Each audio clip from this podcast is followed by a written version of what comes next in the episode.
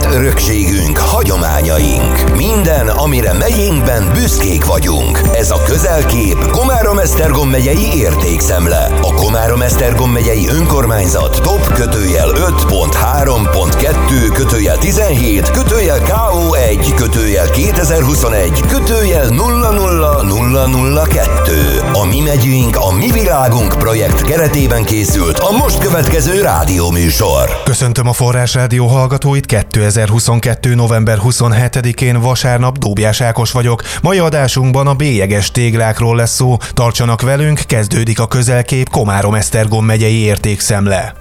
Bajközségben található az ország egyik legnagyobb bélyeges téglákat felvonultató ipartörténeti gyűjteménye, a közel 16 ezer tételből álló megyei érték Komárom-Esztergom megye téglakészítésének az eddigi ismeretek szerinti teljes anyaga. A Monarchia Bélyeges Téglagyűjtők Egyesülete közhasznú szervezetet 2007-ben jegyezték be Bajon, a gyűjtemény és a kiállítás helyszínén. A különleges gyűjteményről a tulajdonossal, az Egyesület elnökével, dr. Hercig Bélával beszélgettünk.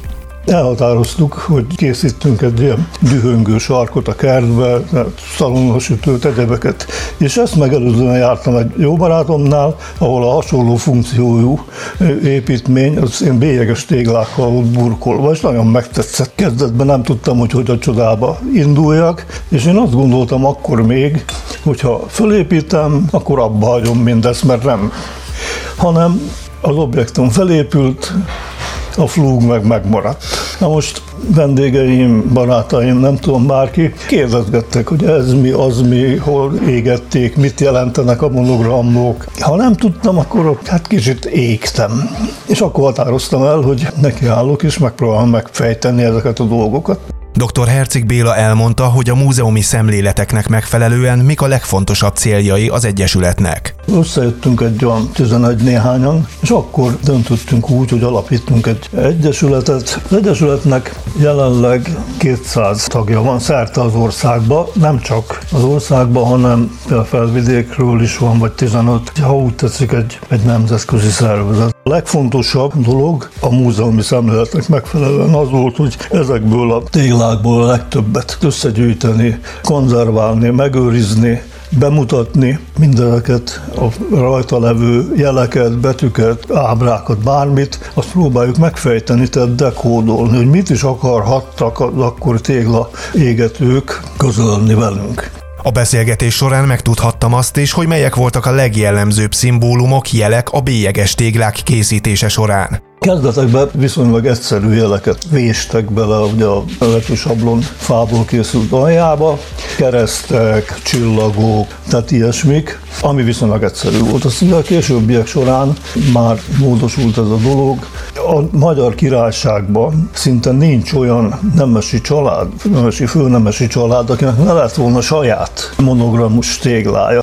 Aztán később ugye a gyáripari korszakban a reklám. Most olyankor a nevek kerültek előtérbe, teljes nevek, a gyár neve, és mindez szép méves kivitelbe alkalmazták. Például a magyar címer, a készítő nevének a kezdőbetűje két oldalt, és közben magyar címer mintájául szolgált a bécsi téglagyáros dinasztia, ha úgy tetszik, monogramja és a kétfejű sasos osztrák címer.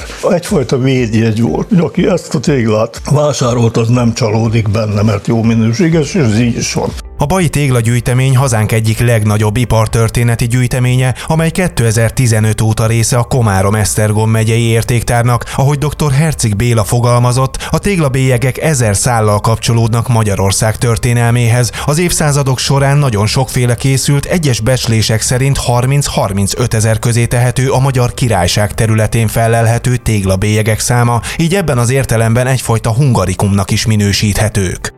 Ez volt a közelkép Komárom-Esztergom megyei értékszemleadása 2022. november 27-én itt a Forrás Rádióban. Köszönöm, hogy ma is minket hallgatnak, búcsúzik a műsorvezető Dóbjás Ákos.